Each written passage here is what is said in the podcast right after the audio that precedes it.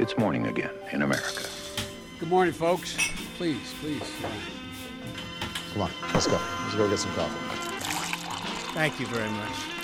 Det er onsdag 6.9, og morgenkaffen fra amerikanskpolitikk.no er servert.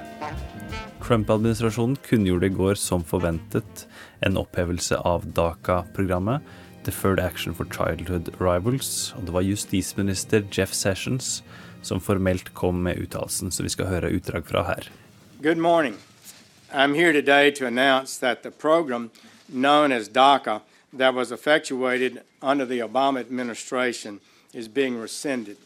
The DACA program was implemented in 2012 and essentially provided a legal status for recipients for a renewable two year term, work authorization, and other benefits, including participation in the Social Security program uh, to 800,000 mostly adult illegal aliens. I valgkampen i fjor så sa Trump at han skulle oppheve DACA-programmet, og har nå gjort det.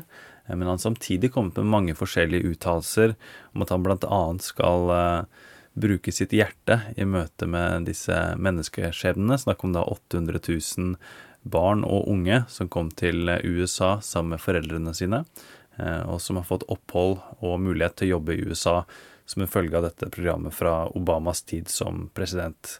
Uh, og senere på dagen så sa da Trump at de fortsatt skal bruke hjerte og medfølelse til å løse DACA-problemet, men at det nå er den lovgivende prosessen som skal løse problemet.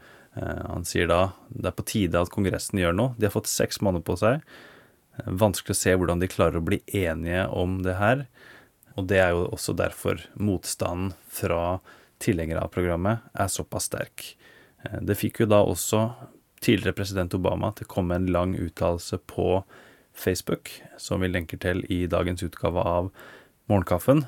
Um, han går ikke direkte etter Trump med navn, uh, men han skriver hvorfor det er en uklok avgjørelse fra Trump-administrasjonen.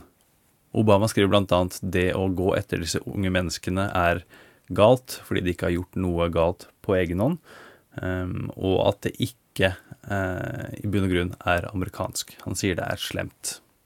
Trump er selv på vei til North Dakota i dag for å holde en tale om skattereform.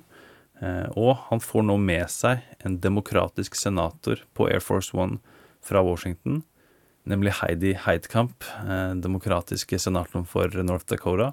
Eh, og i den delstaten så er det da over 70% som støtter behovet for skattereform, selv om detaljene fortsatt er noe uklare så sier det litt at nå en republikansk president har fått med seg en demokratisk senator for å snakke om skattereform i hjemstaten.